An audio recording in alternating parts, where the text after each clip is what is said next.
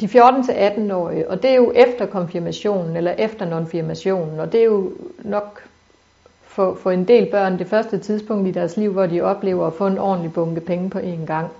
Så, så det er også et oplagt tidspunkt at, øh, at få fortalt om, hvordan man prioriterer de her penge, om der er nogle penge, der skal sættes ind på en opsparing til senere hen, eller er der nogle ting, der er vigtige for barnet at få købt nu i relation til fritidsinteresser.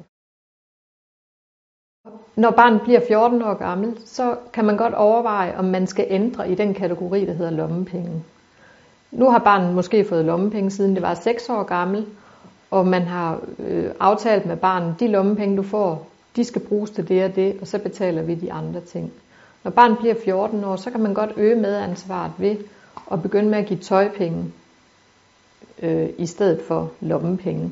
Og så skal de tøjpenge, så er det et større beløb, det er måske 800 kroner om måneden, og så siger man til, til sit unge menneske på 14 år, nu får du 800 kroner om måneden, og, øh, og så, er det, så er det dit ansvar at forvalte de penge, og jeg hjælper dig med det. Så man lader ikke barnet sejle sin egen sø. Når barnet så kommer og siger, jeg vil gerne have den bikini, jeg vil gerne have det sæt tøj til min kusines konfirmation, og jeg har også brug for en sommerjakke, så er det lige præcis der, at man som voksen kan gå ind og hjælpe med at skabe overblik.